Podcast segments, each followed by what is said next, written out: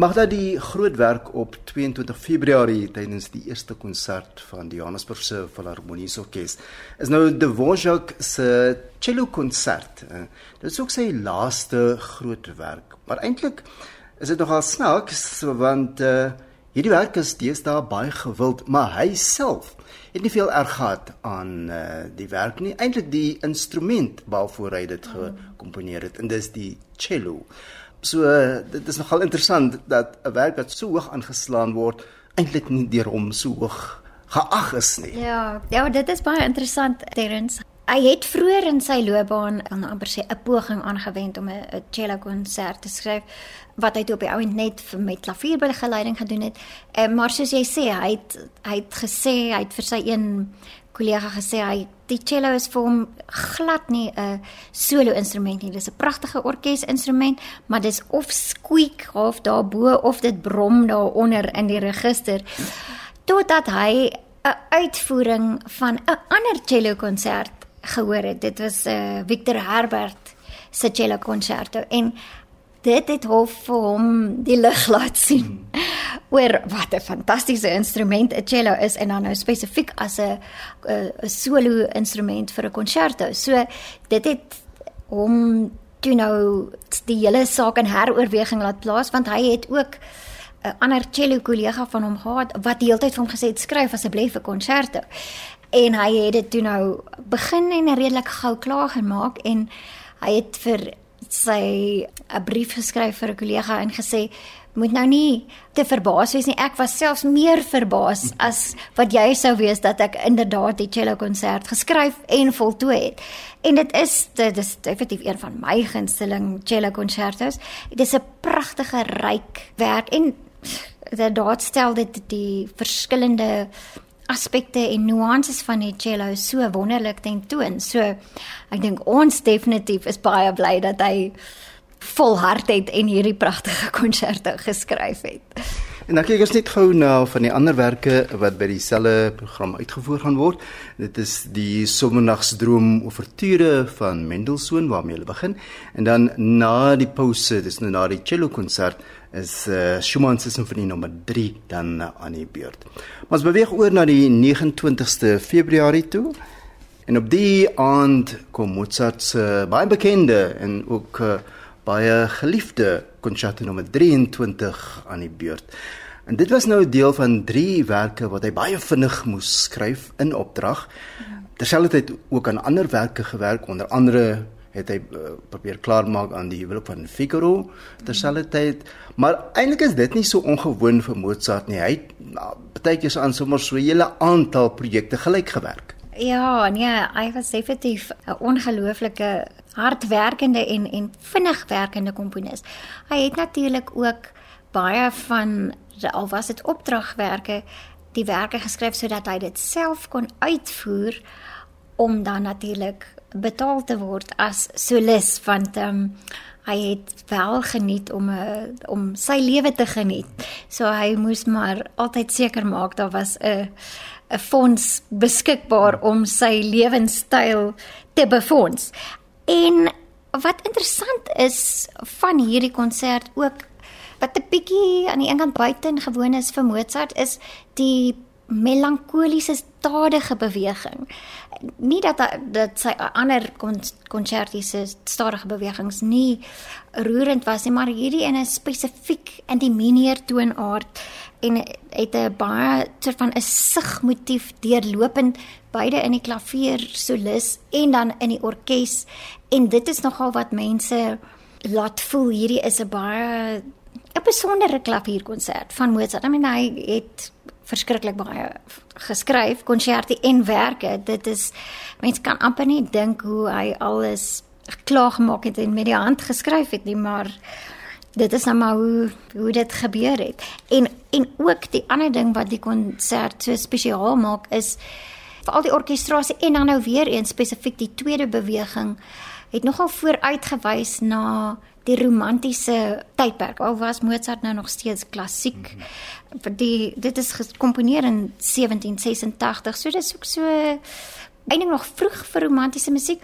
maar hy het definitief doelbewus hierdie stadige beweging ekstra melankolies gemaak. So ja, ek dink hy was 'n fenominale komponis en het net geweet wat om waar en wanneer te doen om so vinnig komposisies van so 'n 'n statuur en formaat te kon komponeer.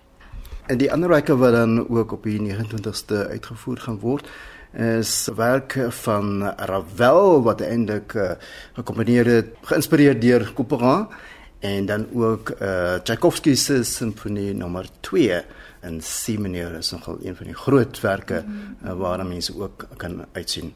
Maar dan beweeg ons mag dan na die datum die 7de Maart. Dit is nou die derde konsert van die Johannesburgse Filharmoniese Orkees. Op die aand word Tchaikovsky se vioolkonsert in D majeur dan nou uitgevoer. Uiteindelik net hierdie een enkele vioolkonsert nagelaat. Dit is nogal eintlik jammer want dit is ook soos in Dvorak se geval een van die werke wat elke professionele in die geval violist dan graag in sy of haar repertorium wil hê en, en daar is dan nou net hierdie een En hy het dit ook uh, was so uh, nie hy's veel lus gehad daarvoor nie, maar mm -hmm. totdat 'n vriend van hom ook 'n violist, Josef Kotek, vir hom aangeraai en ooreed het om tog maar hierdie werk te voltooi. En hy self het op daai stadium uh, soos ons verneem, deur 'n baie moeilike tyd in sy lewe gegaan. Mm. Maar nou ja, daar is die vioolkonsert en uh, mense geniet dit nog steeds vandag dit is nogal interessant beide eintlik Tchaikovsky en Dvorak het nie baie konserti ek, jy weet as jy dink aan Dvorak dan dink jy aan die nuwe wêreld simfonie as jy dink aan Tchaikovsky wel die ballette en die fantastiese simfonieë wat die luisteraars dan nou net in die vorige week sou sou gehoor het so dit is interessant hoe komponiste soms aanklank vind by 'n instrument of of selfs 'n genre. Maar en weer eens, soos in die geval van Dvorak, is Tchaikovsky baie sterk beïnvloed deur vioolwerk van Lalo, Eduardo Lalo, uh, simfonie Espanol wat maar basies 'n vioolkonsert is. Uh, soos jy sê dit was hy persoonlik het hy deur 'n baie moeilike tyd gegaan. Um, en hy was um, my waarheid is in Switserland toe hy aangemoedig is deur deur Kotek wat 'n vioolstudent van of uh, eerder 'n komposisiestudent van hom was en natuurlik 'n bekwame violist. So weer eens dit is die dis inspirasie wat dalk kom van nie musikale dinge wat wel dan nou die komponiste inspireer om sekere werke te skryf. En wat interessant is is hy het dit basies binne 'n maand voltooi. Oh. Maar dit is nie aanvanklik goed ontvang nie. En ek dink daar was nou weer ook dit is 'n bietjie van hy wou dit opgedra het aan een violis en die violis het sy neus opgetrek want hy het gevoel dit is nie 'n um, musikaal doen dit nie die instrument gestand nie. So dit is ook interessant hoe die stuk eintlik sy eie pad geloop het en natuurlik vandag 'n pragtige en baie populêre konserto is vir violiste. So dit is dit is heerlik om die altyd die die die onbekende feite van die musikale werke so bietjie in diepte na te kyk. Ja. Uh, baie keer sê mense ook eh, 'n uh, werk uh, word nie net in 'n vakuum geskep nie, daar's soos jy ook vroeër genoem het, verskeie faktore wat rol speel en mense beïnvloed om uh, sekere klank voor te bring of 'n musikale idee te ontwikkel. So uh, dit is maar 'n geval van hulle is beïnvloedbaar deur omstandighede. Ja. Die ander werke wat dan ook op die 7de uitgevoer gaan word, eh, dit is Griek se bekende Holberg suite en dan eh, die uh, simfonie nommer 5 van Schubert wat ook aan die beurt gaan kom. Dit is dan die 7de Maart. Maar dan beweeg ons oor na die 14de Maart. En dit is dan die laaste konsert. En interessant, hier is nou twee soliste, dis twee pianiste wat gaan optree. En dan kom Saint-Saëns se Karnaval van die Diere aan die beurt en dit bestaan nou uit 'n paar dele wat om 'n baie spesifieke rede deur die uh, komponis, die Saint-Saëns gekomponeer is. Behalwe die deel die Swan, Mains and Sins wat bietjie buite hierdie doelstelling van hom aanvanklik was. Dit is 'n fantastiese werk en interessant genoeg hy het dit oorspronklik wel sy hele doel vir die komposisie was regtig vir eintlik maar humor. Net om homself te geniet eintlik daar 'n musikaal bietjie tong in die kies die draak te steek met selfs ander komposisies en hy het dit geskryf rondom of vir die begin van lydenstyd En uh, toevallig nou, wel dis nou net 'n maand later want 14 Februarie is wel dis Valentynsdag, maar dit is ook die begin van Lydenstyd. So is nou 'n maand later op die 14de Maart wat die Johannesburgse gehore dan nou hierdie fantastiese werk kan na luister.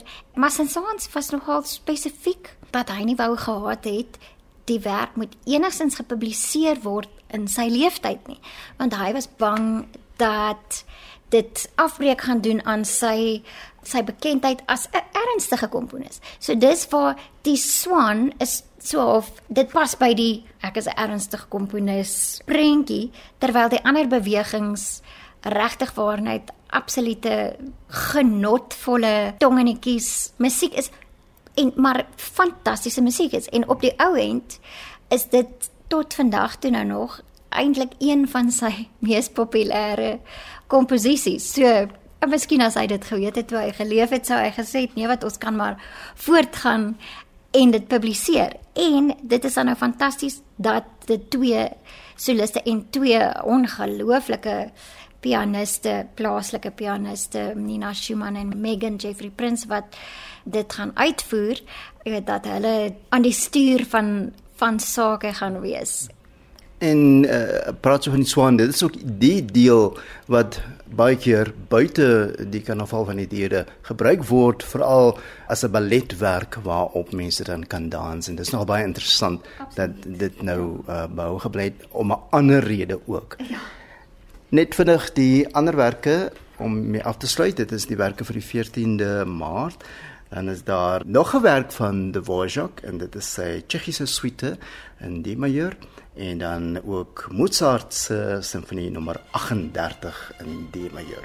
So klink na 'n lekker interessante program met heelwat verskeidenheid. Ja, 'n heerlike manier om die die simfoniese jaar af te skop.